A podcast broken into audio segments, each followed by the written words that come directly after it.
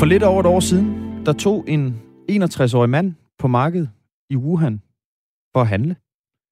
Siden der lagde han sig alvorligt syg med feber, besværet vejrtrækning og tegn på noget, der mindede om en lungebetændelse. Og præcis i dag, for et år siden, der gik det op for lægerne, at hans liv ikke stod til at redde, og han døde. Og han blev altså den første, som Kina rapporterede som død med coronavirus. Siden der har virusen spredt sig som en steppebrand, og mange tusinde på, verdens, på verdensplan har altså øh, også mistet livet. Vi tager en status på et år, der topper listen som det mest dødbringende de seneste 100 år, altså 2020. Og det gør vi sammen med professor og epidemiforsker ved Roskilde Universitet, Lone Simonsen, og det gør vi klokken kvart i ni. Og det der med det, det mest dødbringende år, vi kan jo lige sætte et tal på her. Øhm, det er sådan på verdensplan, at der er næsten, altså vi er snart ved at være op på 2 millioner, der er døde med corona, som det jo hedder, øhm, og ikke af corona, fordi det er jo også, hvordan de her opgørelser bliver lavet. Og der er også forskel på, hvordan man landene imellem registrerer dødsårsagen øh, ja. blandt de her coronapatienter. Ja, og nu siger jeg snart Men... op på, vi er, det, vi er en... Øh, øh, ja, en 66.000 for at være op på det. Det er selvfølgelig også rigtig mange døde, man gerne vil, vil undgå, og før man rammer den her uhyggelige øh, milepæl med, med 2 millioner på verdensplan. Men altså, Lone Simonsen er på øh, kvart i otte. Og så har vi fået en masse... Kvart i ni, ja. Kvart i ni, ja. Kvart i ni. Ja. Så har vi fået en masse sms'er, Christian Magnus, på den anden historie. Det har vi i hvert fald på, øh, på værnepligtshistorien. En historie, som du har lavet, Stine. En, øh, mændene har værne pligt, kvinderne har værne ret. Og det er altså noget, der har affødt nogle øh, sms'er. Der er blandt andet øh, Daniel, der skriver, ligestilling nu. Enten skal den tvungne værnepligt afskaffes, eller også skal værneretten gælde begge køn, så det ene køn ikke bare kan sige op, når det andet ikke kan. Venlig hilsen, Daniel. Og der må man jo sige, øh, at Daniel, han, øh, altså nu har vi jo talt indtil videre med, vi har hørt to stemmer i den her debat øh, fra øh, en værnepligtig selv, en kvindelig værnepligtig, som stadig er værnepligtig i Livgarden, som jo også gerne vil have, øh, hun siger, at vi bliver behandlet fuldstændig ens, men jeg vil også gerne have den her sidste ligestilling. Øhm, og vi har også lige talt med, øh, med chef for Livgarden, øh, Oberst Mads Rabeck, som siger, de, og jeg skal lige sige, de jo begge to understreger det deres personlige holdning her, at, øh, at det ville være en god idé, at der var øh, en form for ligestilling i øh, den måde, man behandlede mænd og kvinder på. Han foreslog så, at det skulle være sådan en form for samfundstjeneste, hvor, man så, hvor det at gøre tjeneste i militæret kunne være en af mulighederne. Ja, det var mere sådan øh, en ændring af værnepligten helt generelt ja. på et overordnet plan. Altså det her med, at øh, der skulle være værnepligt for alle, og så kunne man aftjene øh, værnepligt både i forsvaret, beredskabet, øh, på hospitaler, på skoler osv. Men han, han, han gik jo også personligt ind for, at der var lige vilkår for kønnene.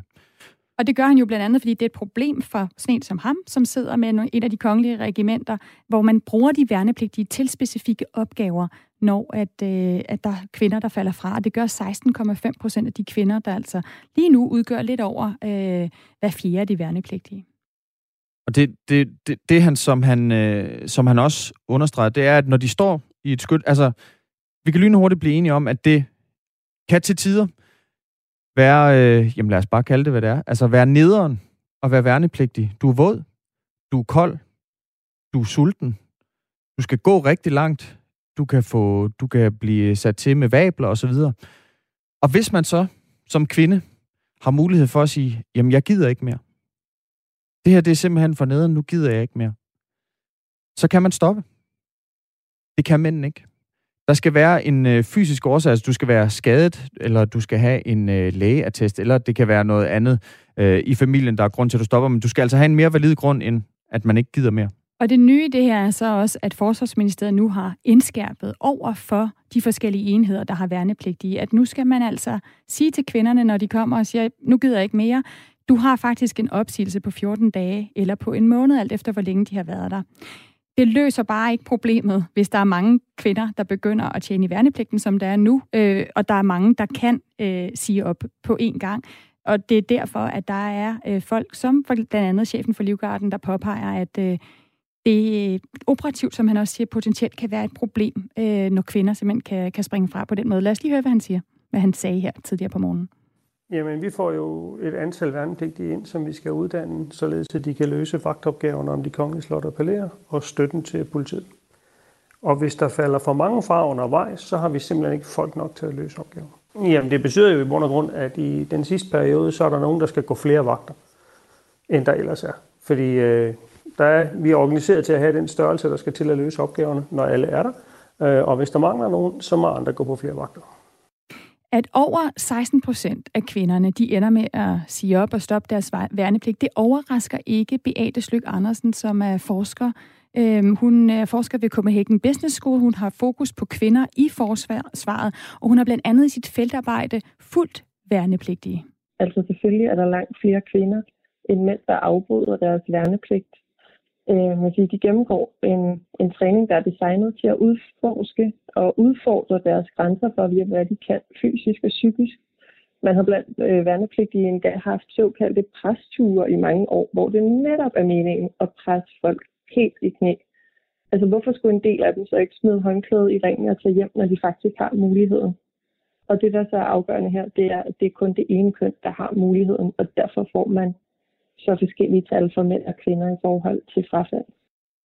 Og netop det, at kunne få prøvet sine grænser af, det var en af grundene til, at Lærke Massen meldte sig som frivillig øh, til at tjene sin værnepligt sidste år. Og noget af det, som Lærke Massen rigtig godt kunne lide, da hun også mødte den her vir- virkelighed, som er blandt andet at gå våd og kold igennem øh, en, en sump, det var øh, de her fysiske udfordringer. Det fede ved det var jo, at man kom helt derud, hvor man næsten ikke kunne mere. Man blev bare ved med at gøre det, fordi man skulle igennem.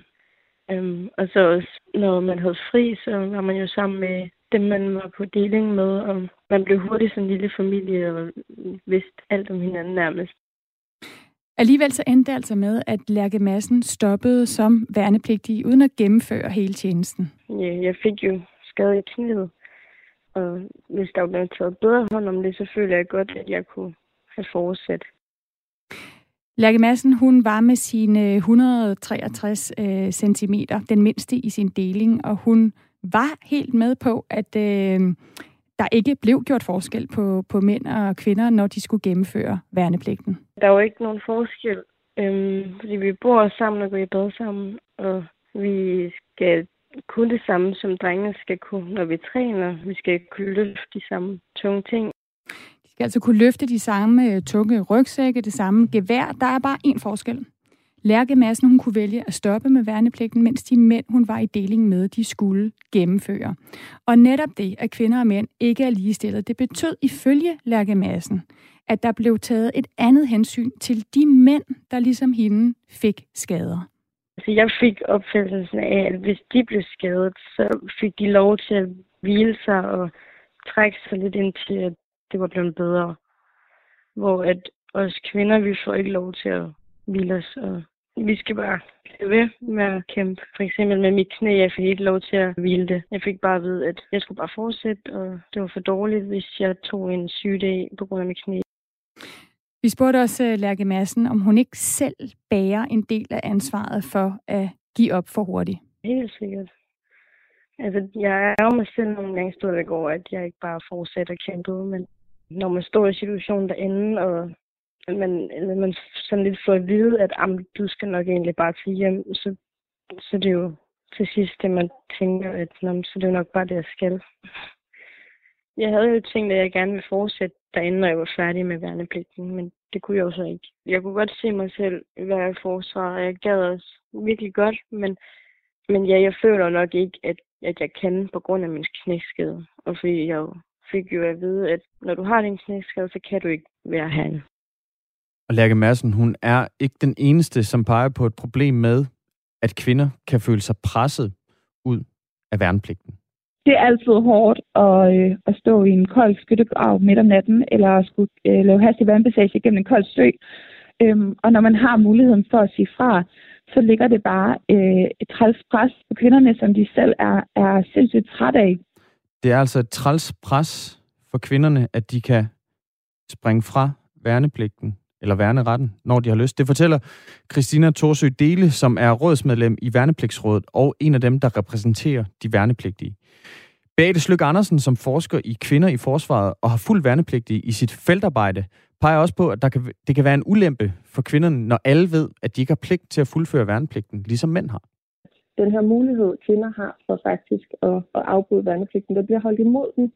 Forstået på den måde, at hvis man som kvinde beklager sig over noget er hårdt, kan man sagtens få man sige, tilbage i hovedet, at så kan du bare skrive, og så kan du bare tage hjem. Og det er sådan noget, jeg selv, man sige, kommentarer, jeg selv har overvejet øh, et par gange, imens jeg fulgte et hold værnepligt igennem deres uddannelse. Så ud over, at man kan sige, at kvinder, øh, når de bliver presset i værnepligten, ligesom mænd gør det, faktisk har muligheden for at falde fra og, og gå deres vej, så bliver de faktisk også lidt skudt i skoen, at hvorfor gør de det så ikke? Altså, at, man siger, at nogle gange kan det også blive en, en løftestang for, at der er nogle andre, der faktisk prøver at skubbe dem ud. Så hvor efterlader det de spørgsmål, som vi har stillet øh, hele morgen øh, her på Radio 4 morgen om, hvorfor over 16 procent af kvinderne stopper midt i værnepligten, og hvad der kan gøres ved det. Ifølge forsker Beate Slyk øh, Andersen, så er den her idé, og, som Forsvarsministeriet nu har indskærpet over for alle i forsvaret, om at bruge opsigelsesvarsler over for kvinderne, altså at de skal blive i 14 dage til en måned, hvis de vælger at gå. Det er ikke nok. At stå fast på at, at holde kvinderne fast i, i deres kontraktmæssige øh, ansættelse under værnepligten, så de ikke kan gå ud af døren fra den ene dag til den anden. Det er sådan en lidt halvhjertet løsning på det her frafald. Altså i stedet for, så der investeres i at undersøge, hvad præcis det er, der gør, at kvinderne ikke har lyst til at blive i forsvaret. Altså at fokusere på, på fastholdelse og inklusion. Både Beate Slyk Andersen og Værnepligtsrådet, der altså repræsenterer de værnepligtige, de peger på, at så længe der er ulighed i værnepligten, ja, så går det ud over både forsvaret, som står med nogle opgaver, som der måske ikke er nok hænder til at løse, og det går ud over forholdet mellem de mandlige og de kvindelige værnepligtige. Denne her øh, ubalance i ligestillingen, den skaber en uhensigtsmæssig dynamik, og der opstår i nogen grad et form for A- og B-hold, øhm, selvom man selvfølgelig gør, hvad man kan for, at det ikke er tilfældet, så er den her manglende ligestilling bare øhm, råd til nogle problemer og konsekvenser for både mændene og kvinderne i værnepligten. Det var altså Christina Torsø Dele, som vi hørte her til sidst, som øh, er selv er værnepligtig, og også en af dem, der i Værnepligtsrådet repræsenterer de, de værnepligtige. Øh, Værnepligtsrådet udsender blandt andet øh, referater for, fra møder, de holder med øh, repræsentanter for forsvaret. Jeg har læst alle de referater for både øh, 2020 og, og 19, og det, der går igen under punktet ligestilling, som er et af punkterne i referaterne, det er, at både øh, de mandlige og de kvindelige værnepligt, øh, pligt, øh, dem, der gør, tjener som værnepligtige, er rigtig trætte af, at der ikke er ligestilling. Altså mændene mener også, at det er et problem, at øh, kvinderne på den her måde kan, kan falde fra.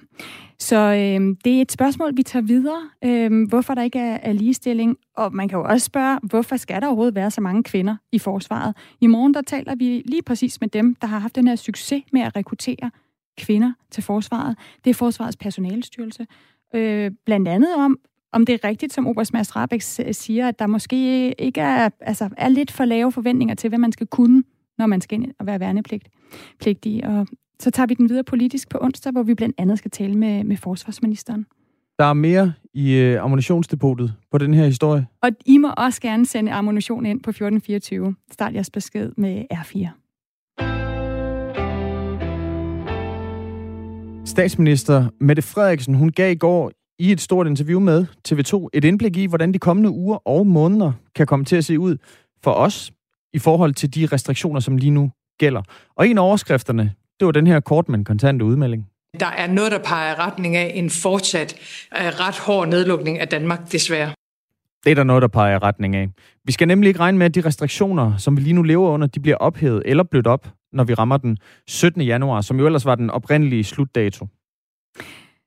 Så altså en ansøgning, mere end en ansøgning, kan man sige, fra statsministeren om, at øh, den her hårde nedlukning, den kommer til at fortsætte. I, i nytårstalen, som hun holdt, Christian Magnus, der, øh, der sagde hun jo også, at hun egentlig først forventer, at der kommer et vendepunkt i øh, coronaen i Danmark til april.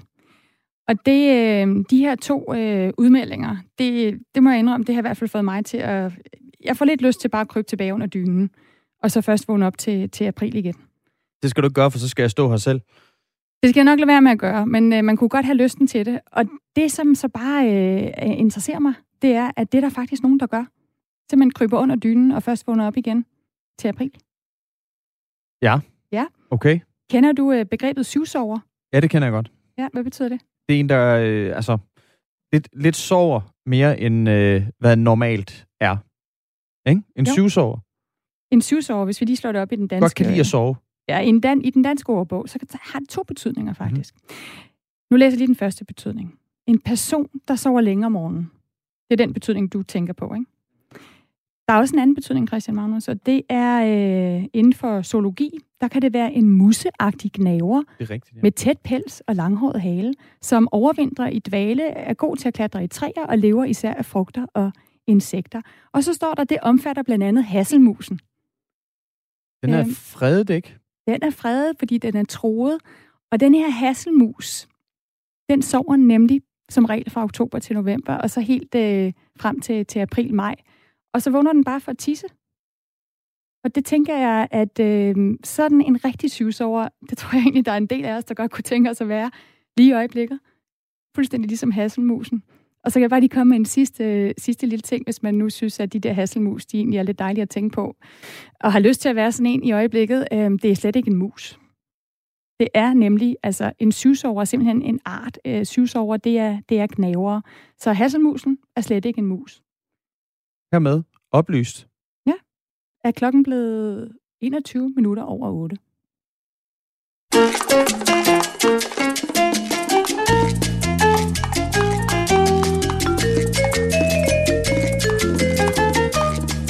Så er vi tilbage i New York.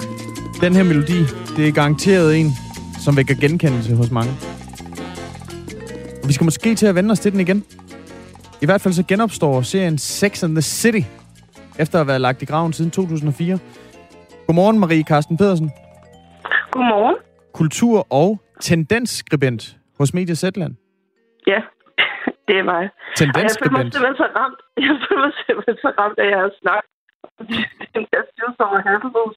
Da jeres, øh, da jeres kollega ringede til mig før, for at høre, om jeg havde lyst til at snakke med Sex and the City, der vækkede han mig. Jeg tænkte sådan, "Det- er det her rettet mod mig? Er det her er det, er det en subtil sviner? her Tror her?" du, tror du, det var dig, vi talte om, øh, Marie Carsten Pedersen?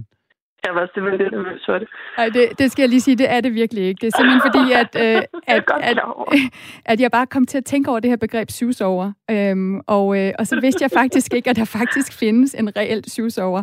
Øhm, Det gør så, der, og hun er kultur- og tendensskribent hos Media Zetland. Men vi er glade for, at vi kunne vække dig.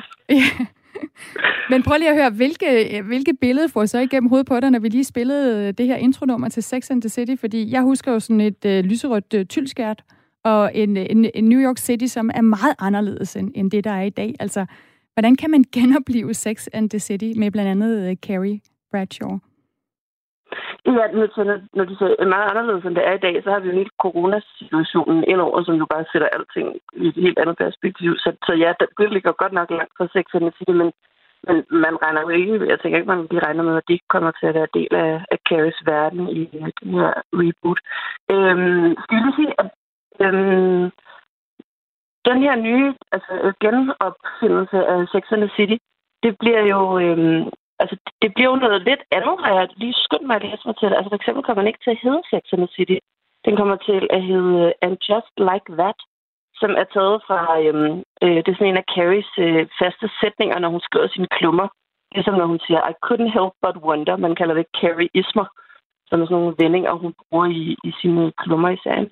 Og det siger bare, altså allerede der, at serien, at de her nye afsnit skal hedde noget andet, det siger jo altså en del om, at man også har tænkt sig, at i den her genoplivning af, af Carrie og, og hendes veninder, som der jo kun er to tilbage i den her, det kan de snakke om efter, øh, det, bliver, det bliver noget andet. Altså, man prøver ikke bare at lave sådan en øh, livsforlængende øh, behandling, øh, som man jo ikke havde specielt stort held med i de film, man lavede. Man prøver åbenbart at gøre noget nyt, og det tror jeg er en rigtig god idé, hvis man overhovedet skal gøre det her. Nu siger du, det ikke bare sådan en livsforlængende behandling, og at man prøver sådan at malke en, en tidligere succes. Og så alligevel, det er jo altså, castet ligner jo øh, meget det, som, øh, som var til stede i Sex and the City. Vi har både Miranda og, øh, ja, hvem har vi mere? Altså, Samantha, hun, nej, hun er ikke med, vel? Jo, Samantha? altså det, ja, det, det, er jo, det, det er jo det helt afgørende her. Sex and City er jo sådan en, øh, en øh, hvad hedder det, kvartet af, af fire damer, ikke? Øh, Carrie Bradshaw, som er spillet af Jessica Parker, Mm. øh, Miranda, som er spillet af, hvad hedder hun, øh, Hende, den rødhårede. Ja, ja, ja, Ja. præcis. øh, Som også er gået ind i det- politik livet- senere jo og stillet op. Ja, og var det dog utrolig pinligt, at jeg ikke kan huske, hun Nå, men så hedder hun øh, Kristen Davis, som spiller Charlotte, øh, som er sådan den pæne pige. Og så er der øh, Samantha, som er spillet af Kim Cattrall, som er den frække dame. Og Miranda Og- hedder Cynthia Nixon. Hun er så Cynthia. Nixon, det er Ja. det. Ja, præcis. Øhm, I lang tid har man vidst, at hvis der kom noget som helst nyt fra den her kant, så ville Kim Cattrall, altså spiller Samantha, øh, ikke medvirke. Hun er øh, til synligheden på rygtebørsen øh, faldet, altså blevet decideret uvenner med de andre medvirkende, og i øvrigt øh, træt af serien, ved jeg. Øh, så hun, og- det passer også. Hun har ikke, øh, hun har ikke pippet om, at, at der skal ske noget øh, for hende i den her sammenhæng. Men, øh, men de andre øh, tre øh, hovedrolleindhæver, de er, de er med. Øh, så på den måde ligner det, men det er jo det, det, det, det er en ret stor forskel. Øh, også fordi hun, Samantha er en super central karakter, som kunne have været rigtig, rigtig sjov at have med, hvis man ville ind på sådan noget, altså MeToo-relaterede emner for eksempel, fordi hun har den her øh, meget sådan fremskående kvindelige seksualitet, der bare aldrig har lagt låg på noget som helst. Og jeg tror ikke, at Samantha-karakteren vil øh, overhovedet, altså vil, hun være super sjov at stille ind i en MeToo-sammenhæng, for eksempel, hvis nu det var sådan nogle emner, man ville tage op. Øh, men når du spørger til det der med, om, om, det, er, øh, om det er et, et eller andet forsøg på at genopleve et eller andet øh, du ved, håbløst, øh, det kan ikke mere. Altså, det, det så vi efter min mening i film nummer tre. Altså, det var nærmest bunden, man ramte der i forhold til, hvor langt man kunne trække en, øh, et, en serie og et, og et koncept. Altså, det var jo så en film og ikke en serie. Mm. Øhm, så det kunne man jo godt forestille sig, okay, det er jo helt sindssygt, at man så prøver at skyde nyt blod ind i den igen her. Og jeg ved, altså jeg må sige, jeg, jeg ved jo heller ikke, om det her på nogen måde er en god idé. Men bare det, at man vælger at lave det, øh, så noget, der er så anderledes, det signal, man sender i, at man giver anden tid. Det peger i hvert fald på det. Marie Carsten Pedersen, vi har lidt problemer med, med forbindelsen. Kunne du prøve, og det lyder sådan lidt fjollet, men ryst din telefon lidt, øh, nu når vi har dig med på telefonen, eller måske stille dig hen øh, tættere på et vindue, giver nogle gange lidt bedre. Jeg skal på Øhm. et andet sted hen. Du skal, eller det kan også være, at du bare skal tro på det selv. Ja, Ja. jeg, jeg, jeg, tror, jeg tror temmelig meget på det. Det er godt. Ej, ej, tal, ja, hvis du taler direkte ind, ind i mikrofonen, så kan det være, at det lyder en lille smule bedre. Det er, Hjælper det her? Ja, det, det, det gør det. Øhm, altså, okay, så vi taler om, at det er jo et anderledes koncept, blandt andet fordi den frigjorte, den seksuelt frigjorte Samantha, hun er, hun er ikke med. Øhm, øh, altså, hvordan tror du, øh, at øh, de her kvinder kommer til at blive portrætteret? Hvad er det, man vil bruge det til øh, i, i 2021, hvor den så skal genopstå? Altså, jeg tror, man skal selvfølgelig ikke være blind for, at det her handler jo også om, at der selvfølgelig er et, en masse penge at tjene, og en masse øh, ting, der kan øh, sælges og spindes op i det her. Og der har været en kæmpe en efterspørgsel fra sådan en fanbase i årvis, som man øh, som, som aldrig har, den har aldrig holdt op, holdt op med at, at eksistere. Og den vil man selvfølgelig gerne bruge til et eller andet kommercielt. Det, det er jo klart. Altså, jeg tror, at det kommer ikke af ren øh, kunstnerisk øh, indre i det her.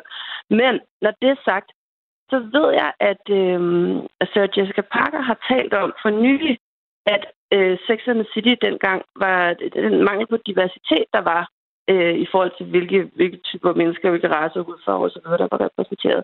At den var helt i skoven, og det vil man aldrig kunne komme afsted med i dag. Så, og der sagde hun på et tidspunkt, at hvis man skulle lave noget, øh, noget nyt med Sex and the City i dag, så skulle det være en meget mere divers gruppe af kvinder, som øh, hvis liv i New York man skildrede. Så det tror jeg faktisk godt, vi kan forvente. Der snakkede hun også om en seks episoders øh, serie, vil, miniserie, ville måske være en god idé. Øhm, og det lyder jo lidt som om, at det, hun snakkede om på det tidspunkt, egentlig var noget ret konkret. Mm. Selvom dengang, der vidste vi jo ikke, at det, at det var det, det drejede sig om. Og ved du hvad, Marie Carsten Pedersen, øh, der er faktisk andre, der har lavet Sex and the City, som er meget mere diverse, hvis man skal kalde det sådan. Øh, jeg har selv boet i, i Afrika i nogle år, og jeg dækkede faktisk en, en ny tv-serie der, der hedder An African City, som netop var Afrikas svar på Sex and the City. Den kan man Ja. simpelthen gå ind og finde på YouTube. Øhm, og den blev netop lavet, fordi at der var øh, en afrikansk instruktør, som var trætte af, at historien om afrikanske kvinder altid skulle handle om fattigdom og sygdom, og gerne ville vise den mere sådan moderne, veluddannede og sjove afrikanske kvinde. Så Sex and the City er simpelthen også øh, allerede øh, udkommet på, øh, på afrikansk, så hvis man ikke kan vente indtil den nye rigtige Sex and the City kommer, så kan man finde den inde på YouTube. Er det god? Jeg synes, det var ret øh, fantastisk, men den er anderledes, da man skal tænke lidt mere over i Nollywood. Men øh, ved du hvad, det kan vi tale mere om, mens vi lige sætter nyheder på her, for nu er vi røget ind i klokken halv ni, og Signe Ribergaard Rasmussen er klar her på Radio 4.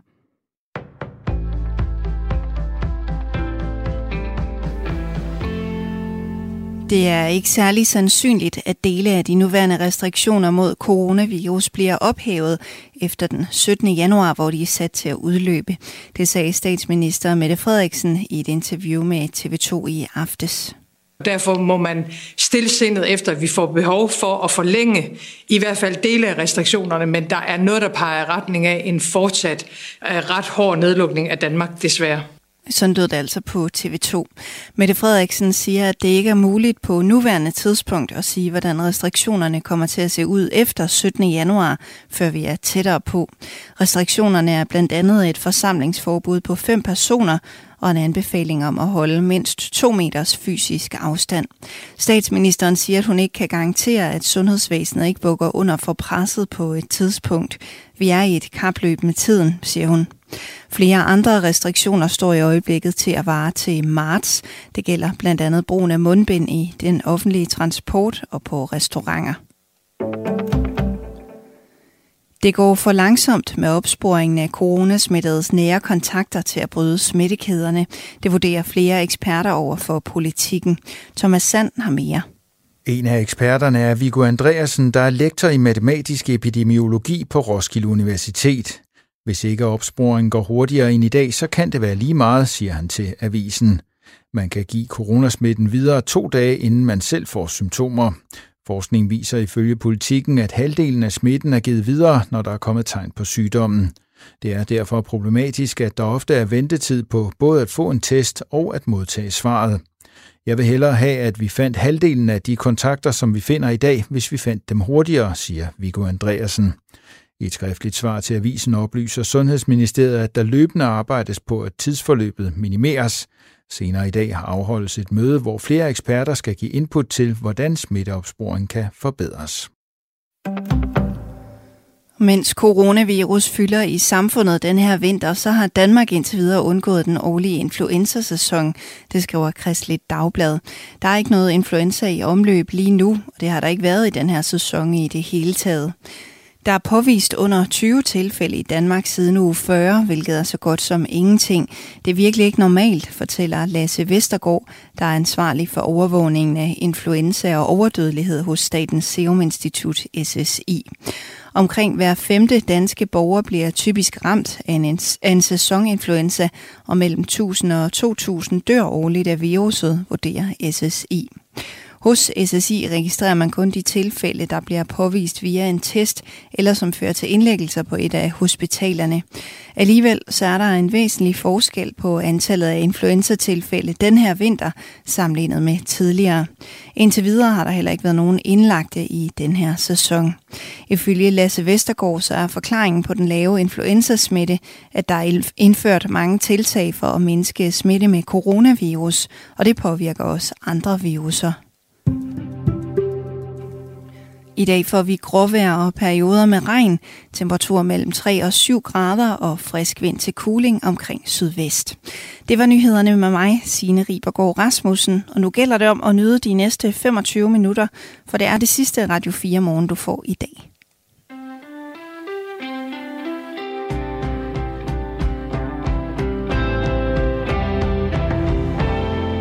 Der er faktisk 26 minutter. Og, nå, nå. Ja, og, og, og vi er tilbage igen i morgen, Signe. Jeg sagde også for i dag, nu yeah. må I lige holde op, venner. Okay, okay. Men der er altså et, øh, et minut mere i posen, inden der blev teaset for i nyhederne. Ah, nu, nu er det så 25,5, der er tilbage. Men uh, Stine, vi bliver simpelthen også nødt til at vende. Vi gik jo på nyhederne sådan lidt bræt fra, fra Zetlands tendensskribent, der hvor vi talte Sex and the City. Vi talte altså med Marie Carsten Pedersen, som er kultur- og tendensskribent hos Zetland, om den her genoplivning af Sex and the City-serien. Og der er noget, du lige at nævne. Skal vi lige høre det her? Skal vi lige høre det her? Bare lige for at få stemning med.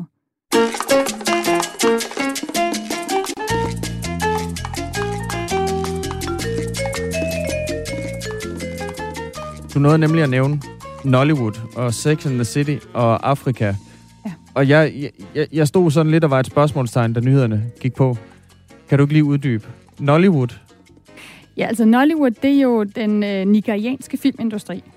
Så du har Hollywood, som er den amerikanske, så har du Bollywood, som er den øh, indiske, og så har du Nollywood, som er den nigerianske. Og Nigeria, det er jo et vestafrikansk land, som har øh, ja, allerflest indbyggere øh, af afrikanske lande. Der er rigtig mange der, og de har en kæmpe filmindustri. Den er faktisk øh, øh, næststørst. Så, og det er en, der øh, eksporterer den er øh, næst, når det er den næststørste ja, ja. industri i, i ja, Nigeria, eller hvad? spørger du så sikkert, hvad der så er størst. Jeg kan faktisk ikke engang huske, hvad jeg tror nemlig faktisk, at Bollywood er den største. Det kan være, at vi lige kan nå at slå det op, og altså Hollywood er nummer tre. Så selvom at vi i høj grad orienterer os imod amerikanske film og Hollywood, så er der altså rigtig mange rundt om i verden, der ser blandt andet nigerianske film, eller øh, film, der er lavet i Bollywood, altså i, i Indien.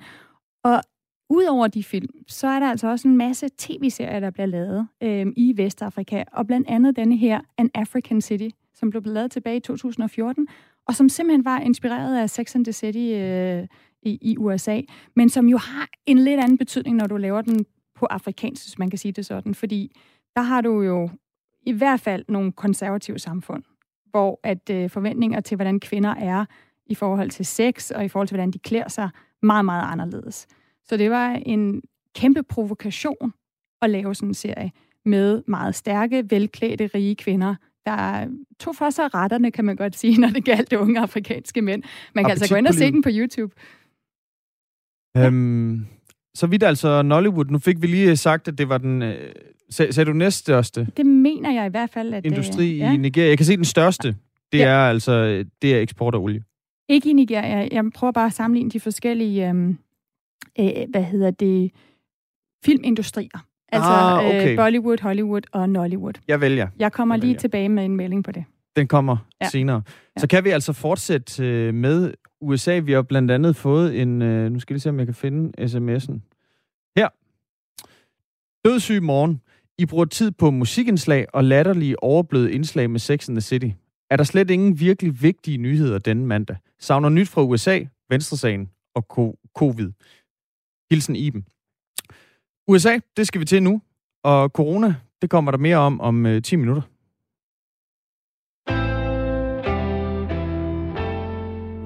For i USA, der fortsætter det kaos, som øh, altså blev udløst onsdag, da kongressen i Washington D.C. blev angrebet af Trump-støtter. Flere, også fra præsident, præsident Trumps egen lejr, de vil altså have, nu have præsidenten afsat hurtigst muligt. Ja, og i søndags, altså i går, der meldte formanden for repræsentanternes hus, hun hedder Nancy Pelosi, hun meldte ud, at hun er klar til at indlede en øh, rigsret, rigsret mod øh, præsident Trump. Øhm, og det er vigtigt, at hun siger det, for det er altså i repræsentanternes hus i kongressen, at man skal starte sådan en, en sag. Og når Nancy Pelosi, som er lederne for demokraterne der, hun siger det, så betyder det, at hun kan tælle på sine fingre, at de har nok. Øhm, de vil altså beskylde, øh, demokraterne, de vil beskylde Trump for at have opildnet til uro under øh, den her, eller lige før den her storm mod kongresbygningen.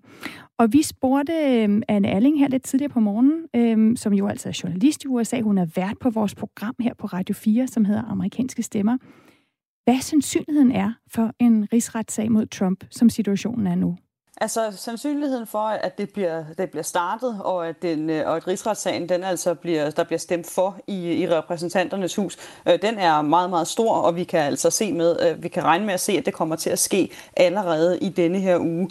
Det som, øh, det som Nancy Pelosi hun var ude og sige her søndag, det var, at hun, øh, at hun og, og, og repræsentanternes hus, demokraterne mandag, de vil, øh, de vil anmode igen øh, vicepræsident Pence om, altså, og at det er ham, der skal øh, hvad hedder det, det går ikke det her, det hedder det 20, 25. Øh, amendment, altså at simpelthen fjerne præsidenten, det er noget, som Mike Pence han skal gøre. Det giver de ham 24 timer til, og hvis han så ikke vælger at gøre det, jamen så vil de altså starte rigsretssagen, øh, og så siger de, at de allerede kan, øh, kan stemme for den i repræsentanternes hus på onsdag. Og allerede nu, der er der altså 210 ud af de 222 demokrater, som allerede har sagt, har sagt, at de vil sige ja til det. Så det er altså med aller, aller højst sandsynlighed, at rigsretssagen den altså vil gå igennem i repræsentanternes hus, ligesom vi jo også så den gøre i den første rigsretssag i, i sidste vinter. Derefter så kommer udfordringerne så, når rigsretssagen den skal videre til senatet. Og der er den første udfordring, at øh, jamen, der er kun Øh, der er kun 12 dage ind, og nej, 10 dage er der måske tilbage nu faktisk, inden, øh, inden at Trump eller inden Biden han bliver indsat. Så det kan stort set ikke nås. Det synes at se ret umuligt ud, at den kan nås ligesom at komme igennem, øh, at, ligesom at der bliver lavet en rigsretssag i senatet inden da så kan det være, at den så kommer til at vente indtil Biden han er blevet indsat. Spørgsmålet er, hvornår det bliver. Øh, det er stadig op at vende. Så altså med stor sandsynlighed, der bliver der altså indledt en rigsretssag mod Trump, fordi demokraterne har et flertal i repræsentanternes hus, hvor der altså skal stemmes om det. Men som Anne Alling også er inde på, så er det altså også et spørgsmål om, man overhovedet kan nå at indlede sagen. Selvom en, øh, en rigsretssag altså ikke, måske ikke kan nås, inden Trump forlader det hvide hus, så er der altså flere grunde til at lave en alligevel, fortæller Anne Alling her en rigsretssag, det handler ikke bare om at få fjernet præsidenten eller dømt præsidenten. Det handler også om helt efterspillet. Noget af det, som nemlig hører med til, at hvis at Trump han bliver dømt, i en rigsretssag i senatet, så er der flere følgevirkninger. Et af dem, og måske den vigtigste af dem her, især for demokraterne, jamen det er, at så må Trump ikke stille op til præsidentvalg igen. Det må han jo ellers nu, fordi han kun har været præsident en gang, så lige nu har han mulighed for at stille op i 2024. Det ville han altså ikke kunne, hvis han bliver dømt for en rigsretssag i senatet. Det er den ene ting. En af de andre ting, det er, at øh, Trump han også vil miste sin, øh, sin Secret Service øh, beskyttelse, altså de livvagter, som han ellers ville have resten af livet som en tidligere præsident. Jamen det vil han heller ikke længere, øh, det vil han heller ikke længere have. Så der er altså flere ting, som han lige ligesom mister rettigheden til. Og faktisk lige præcis det der med at have muligheden for at, øh, at stille op igen. Øh, det kræver kun, at der er flertal i senatet for, øh, for rigsretssagen. Hvorimod, at hvis han skal dømmes for en rigsretssag, jamen, så skal der helt op og være to tredjedel flertal for, at han skal dømmes. Så der kan altså blive en situation, hvor han måske ikke bliver direkte dømt for de forbrydelser, som, som rigsretssagen øh, ligesom handler om, men at han alligevel mister retten til at stille op igen øh, til, til præsidentvalg. Der er altså rigtig mange forskellige faktorer at holde styr på, også når det gælder øh, en rigsretssag i, i USA. Det, der er vigtigt at huske, det er, at i sidste ende, så er det politikerne, der bestemmer, om der skal rejses en rigsretssag, og om præsidenten er skyldig, som Anne Alling også fortæller her. Og det er jo altså et år siden, at der sidst var rigsretssag i, i USA. Øhm, der handlede det så om, hvorvidt øh, Donald Trump han havde øh, forsøgt at øh, påvirke en... en øh, en leder af et andet land til at øh, finde snavs på Joe Biden, som jo altså nu er blevet øh, valgt som USA's øh, præsident. Den anden ting, vi skal holde os for øje, når vi snakker rigsretssag, det er, at det kræver to tredjedel stemmer at, at øh, dømme præsidenten skyldig, og det er altså 67 øh, senatorer. Og øh, i senatet er der jo altså 100 medlemmer. Lige nu øh, i det nye senat, der træder til her den 20. januar, der vil demokraterne sidde på 50 af dem. Så de skal jo altså finde nogle republikanere, hvis den her rigsretssag skal finde sin afslutning. Ifølge Anne Alling, så er det et åbent spørgsmål, om der kan findes øh, tilstrækkelige stemmer i senatet. Det er virkelig, virkelig svært øh, at sige lige nu. Øhm, altså, der har i modsætning til, til den første rigsretssag, hvor at republikanerne virkelig fra start af var meget, meget kritiske over for demokraterne, og helt fra start af altså fuldstændig afviste, at de ville støtte op om den her rigsretssag, så er der altså mere stille nu. Øh, vi så jo allerede i onsdags, da, da, da, da, blev stormet, da kongressen blev stormet, og så, så senatorerne de kom ind i kongressen igen, efter at, øh, at de her voldelige demonstranter var blevet fjernet, og de kom ind igen, fortsatte deres arbejde. Der stilte mange af dem sig jo op, dem som ellers havde lovet, at de ville gå ind og prøve ligesom at stemme imod valgresultatet. De kom allerede derind og ombestemte sig og sagde, at nu vil de ikke længere være imod valgresultatet. Nu måtte processen gå videre, så man kunne få, så man kunne få godkendt Biden, og de kritiserede virkelig, virkelig hårdt hele denne her altså besættelse af kongressen, som det jo var i en kortere periode. Så de har været meget, meget kritiske, langt de fleste af republikanerne, mod det, der skete inde i kongressen. Spørgsmålet er så, hvorvidt de forbinder det, der skete med Trump, hvorvidt de mener, øh, at Trump har øh, ansvaret. Og det der altså er meget, meget få republikanere, der indtil videre har været ude og udtale sig om. Vi ved det fra nogle få, Mitt Romney for eksempel, Lisa McCoskey, også en anden senator. De er normalt meget kritiske over for Trump. Det var de også under rigsretssagen, og det er de altså nu igen. Og så ved vi, det har Nancy Pelosi sagt, at der har været nogle republikanere med til at forfatte denne her anklage, som, øh, som rigsretssagen, altså selve skrivelsen til rigsretssagen, har der været nogle republikanere med til at forfatte den, siger de, men det er ikke nogen, som der sådan offentligt bliver sat navn på. Så vi ved meget lidt om lige nu, hvor republikanerne står, hvor mange af dem, der står på, på hver sin side. Og det er altså det, der er det, det helt store øh, spørgsmål nu, øh, hvor de ligesom ender med øh, at stille sig. Og der kommer der også til at gå politik i den, fordi der kommer det også til at handle om, om de her republikanske politikers popularitet blandt vælgerne. Og det bliver ja, det bliver meget, meget interessant, og det bliver, det bliver i den grad ikke øh, uden konflikt. Sådan sagde altså Anne Alling, som er øh, journalist bosat i USA og, og program på Hverdag amerikanske stemmer her på Radio 4. Og imens at øh, demokraterne forsøger at indlede den her rigsretssag, så er øh, politiet øh, og efterretningstjenesten jo i gang med at undersøge, hvem det var, der øh, invaderede kongressen i onsdags og, og anholde folk øh, for forskellige ting. Og samtidig med det, så skal de jo så altså forberede i Washington D.C., at Joe Biden øh, skal blive indsat den, den 20. januar. Og øh, en af de, nogle af de ting, der var sat op, sådan at man var klar til den her indsættelse, stole og podier, podier og så videre, det var netop noget af det, man brugte til at kravle op på for at komme ind i, i kongressen i, øh, i onsdags. Så det er jo også hele spørgsmålet nu. Det, der normalt er en meget fredelig og en stor festdag i USA den 20. januar, hvor den ene præsident overdrager magten til den næste, øh, hvordan det kommer til at løbe af staben. Vi ved en ting. Donald Trump, han kommer ikke. Og vi ved en ting til. Mike Pence, hans vicepræsident, har sagt, at han nok skal møde op. Og en sidste ting, vi også ved, det er, at klokken er 13 minutter i 9. For lidt over et år siden, der tog en 61-årig mand på markedet i Wuhan for at handle. Siden der lagde han sig syg med feber, besværet vejrtrækning og tegn på noget, der mindede om en lungebetændelse.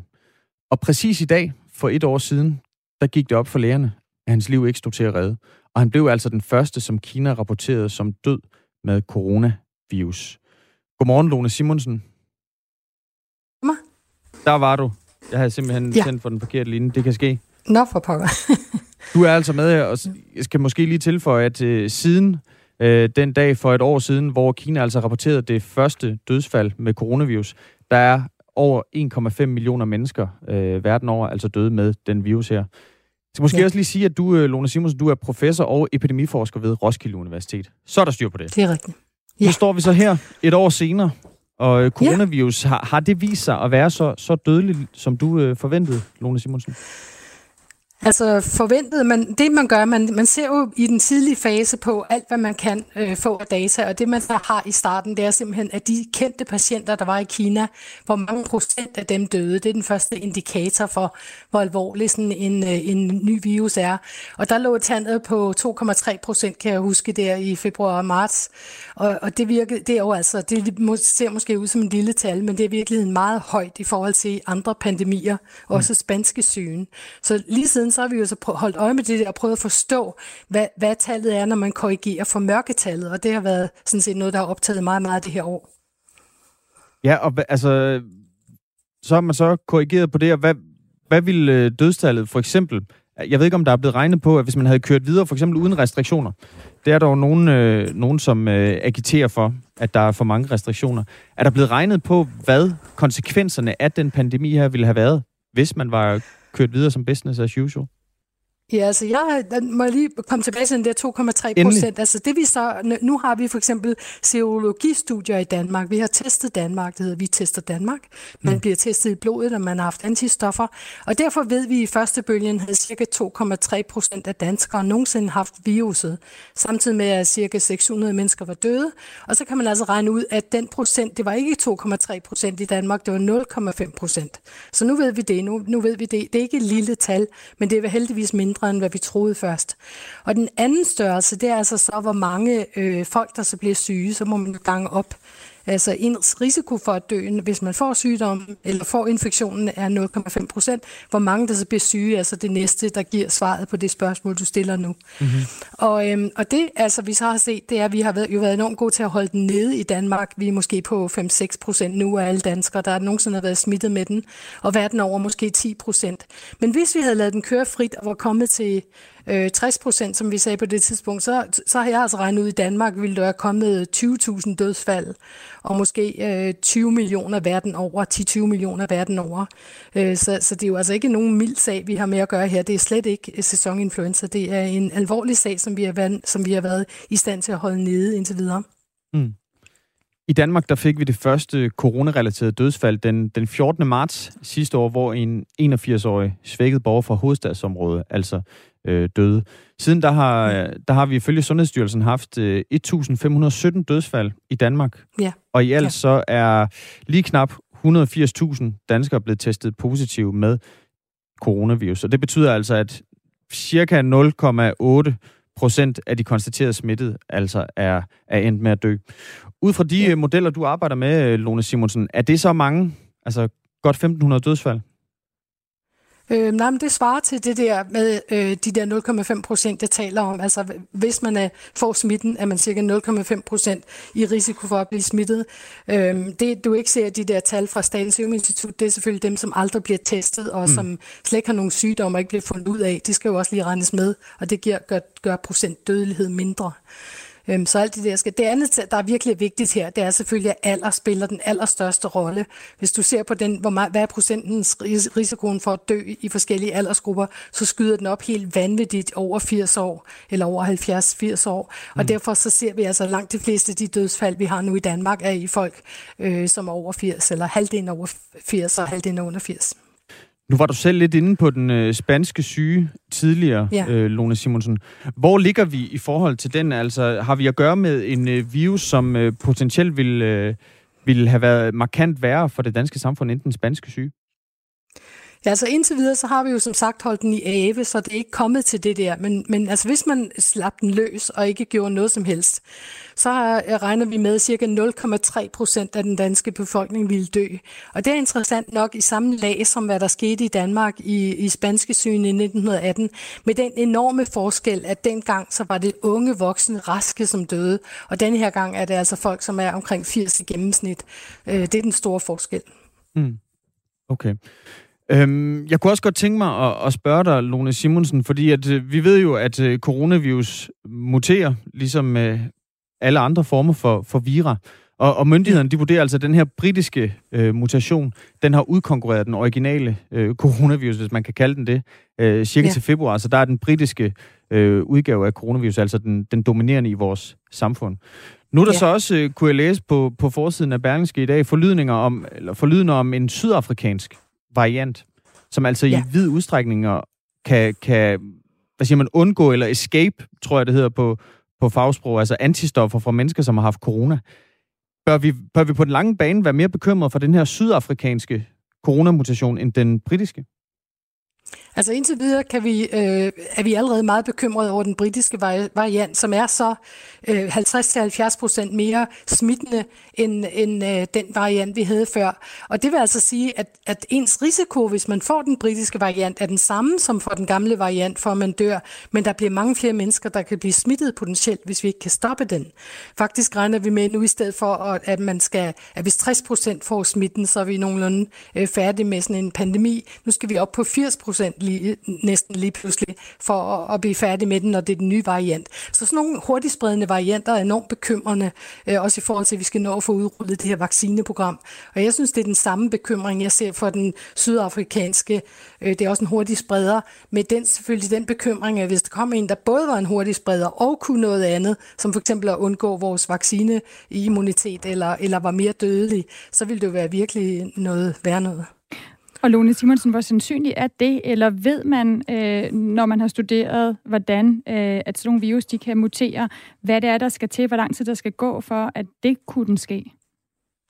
Altså det, det, det er helt afgørende fra sådan en virusperspektiv, hvis den ellers kunne tænke, det kan den jo ikke. Det er selvfølgelig, om, om, om den kan, øh, og, altså hvad, hvem der spredes hurtigt, og det er den, der vinder. Så hvis du har for eksempel har en, der spredes lynhurtigt og er meget mild, så vil den vinde over en, der spredes langsomt og er meget dødelig. Så øh, det er selvfølgelig øh, på en måde en god ting. Så øh, hvor, hvor lang tid der går, det kan vi jo se i Danmark. Øh, vi kan se, at vores øh, den nye variant i, øh, fra England er stadigvæk lav i Danmark. Den startede på 0,2 procent for en måned siden. Og så kan man se, at den er fordoblet uge for uge lige siden. Og det er det, der er bekymrende, fordi fordoblinger er nærmest sådan eksponentielt fremad, så man faktisk i midten af februar regner vi med, så ville det være den britiske variant, der var dominant i Danmark. Og så hvis der er en, der er endnu hurtigere spredere fra en andet land, så kunne den selvfølgelig så overtage efter den britiske politiske bagefter.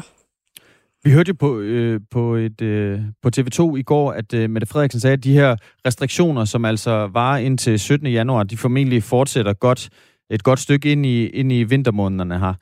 Øhm, altså hvad... Ja, hvordan skal man sige? Altså, giver det, giver det mening? Fordi at vi har jo set egentlig ret lave smittetal. Jeg kunne, for nogle dage siden, der yeah. var jeg inde og tjekke på, på Statens Serum Instituts yeah. hjemmeside. Der var foretaget 103.000 test og 1.800 yeah. positive. Det er jo egentlig ret lavt. Ja, det er faktisk enormt svær kommunikationsopgave, vi står overfor her. Ja, fordi, fordi, at... fordi samtidig med det, vi ser, det er, at alle de gode ting, vi har gjort for nyligt, faktisk har virket. Vi har fået hospitals, de nye, nyindlagte, det er det, jeg ser på. Hvor mange er blevet nyindlagt på hospitalet, er kommet ned fra cirka 150 til 100. Øh, og det er jo et klar indikation for, at vi har styr på den her. Det begynder at gå nedad. Men det, vi så samtidig har, det er det der potentiale med den nye stamme, der, der er ved at stige. Og derfor så regner vi med faktisk, at vores, øh, det der hedder kontakttallet, vil komme til at gå op 50 procent. Det vil sige, at vi skal gøre meget mere for at holde den nede, ligesom vi har den nu, når den begynder at dominere. Så det er ikke et godt tidspunkt at evaluere, om vi skal begynde at åbne op lige nu, eller øh, plus at vi slet ikke har set effekten af nyår, nytår endnu, nytårsfesterne. Det tager jo et par uger, før vi ser det i sådan nogle hospitalsdata for eksempel. Men der er vi jo også ved at være nu. Ja, er det ikke det? Altså, altså vi... lige, vi er lige begyndt at komme derhen. Jeg vil sige, i, i næste uge kan vi videre se, hvad det er, hvad, hvor, hvor vi står. Hvor vi står med hensyn til, hvor godt de virkede, de der øh, øh, øh, ting, vi har gjort siden december. Altså Lone Simonsen, øh, professor ved Roskilde Universitet. Inden vi er færdige med det her interview, så, så vil du have ændret uh, Christian Magnus' syn på, på, uh, på dagen her. Vi, vi startede i studiet, der havde han lidt den her med glasset er halvt fuldt, og jeg synes, det var halvt tomt øhm, i forhold til, hvad det er for et år, vi går ind til. Øhm, og nu, øh, nu er der mange af de her håbefulde ting, der bliver skudt lidt ned. Øhm, men hvad sidder du lige nu øh, altså, som epidemiforsker og holder øje med? Fordi det er jo noget af det, som jeg synes er allersværest. Også når vi som journalister har fulgt det her, så har vi snakket om smittetal. Så har vi talt om, hvor mange der er indlagte, om øh, hospitaler, der kan blive overbebyrdet, om hvor mange der dør. Øh, kontakttal. Kontakttal, positivitetsprocent. Yeah. Hvad holder du øje med lige nu? Jeg holder øje med det kapløb, der foregår mellem smitten, og så hvor hurtigt vi kan få vores vaccineprogram rullet ud. Især i dem, som er i risiko for enten at dø, eller for at lande og på hospitalet og, og, og klemme hospitalsektoren. Det er de to ting, jeg ser på. Og det er det, som, som er, det er kompliceret, det er rigtigt nok. Altså, men det der med, øhm, med, hvor mange der bliver, altså det der, et andet, det andet, som er helt afgørende for mig at se på, det er simpelthen kontakttallet. Og hvis vi har et kontakttal på omkring 1 eller derunder, så har vi epidemien under kontrol. Hvis vi kommer over det, så begynder tallene, alle tallene at stige igen. Det tager bare et stykke tid, før man ser det i de daglige data. Så det er også en sådan størrelse, vi virkelig, virkelig holder øje med. Og hvis vi virkelig, hvis Magnus Heunicke har ret, vi kan klemme den helt ned med de ting, vi gør på, på en halv eller mindre, så kan vi godt tåle den britiske variant oveni, selvom den smitter 50 procent mere. Jeg kan sige det før, før man, så holder man stadigvæk under 1 i kontakttallet. Så det er faktisk det, altså det, det vi ikke rigtig forstår endnu, det er, hvor, hvor meget kan vi tåle af den britiske variant i forhold til, hvor meget vi holder viruset nede med de ting, vi gør. Mm, så den her britiske variant, den, den spreder sig altså hurtigt, og det er derfor, at vi skal ja. længere ned, end vi egentlig plejede ja. i, i kontakt, det skal, før vi Det er kan, nemlig korrekt. Normalt skal vi bare ned under 1, nu skal vi måske ned under omkring 0,5-0,6 for at kunne tåle det der oveni, der mm. kommer i, i midten af februar. Det er, det er kompliceret, det er godt. Jeg synes måske, at det der med Trump er lidt mere kompliceret selv. Må, måske, måske en lille smule. Det, det vil jeg ja. faktisk give dig ret i, Lone Simonsen. I hvert fald tusind tak, fordi du var med. Det var så lidt. Og jeg gjorde mit bedste. Og det, jamen, altså, det er jeg, vi taknemmelige for. Jeg føler mig mere ja. oplyst, i hvert fald. Og så ja. øh, her øh, 25 sekunder inden nyhederne, kan jeg lige nå så opklare en ting om det der med Trump, som selv Lone Simonsen også synes er kompliceret. Vi har nemlig fået et spørgsmål. Han har jo været for en rigsretssag før Trump, og spørgsmålet er, hvorfor kan han så stille op igen? Der er nemlig det her spørgsmål om, hvis han bliver øh, dømt skyldig, så kan han ikke stille op. Det kunne være en af grundene til, at republikanerne vil støtte en rigsretssag. Han blev jo ikke dømt sidste gang, skal vi lige huske. Og det andet, vi skal have for øje, det er, det skal være en del af selve rigsretssagen, altså at han ikke øh, kan stille op igen, og det var det ikke sidst.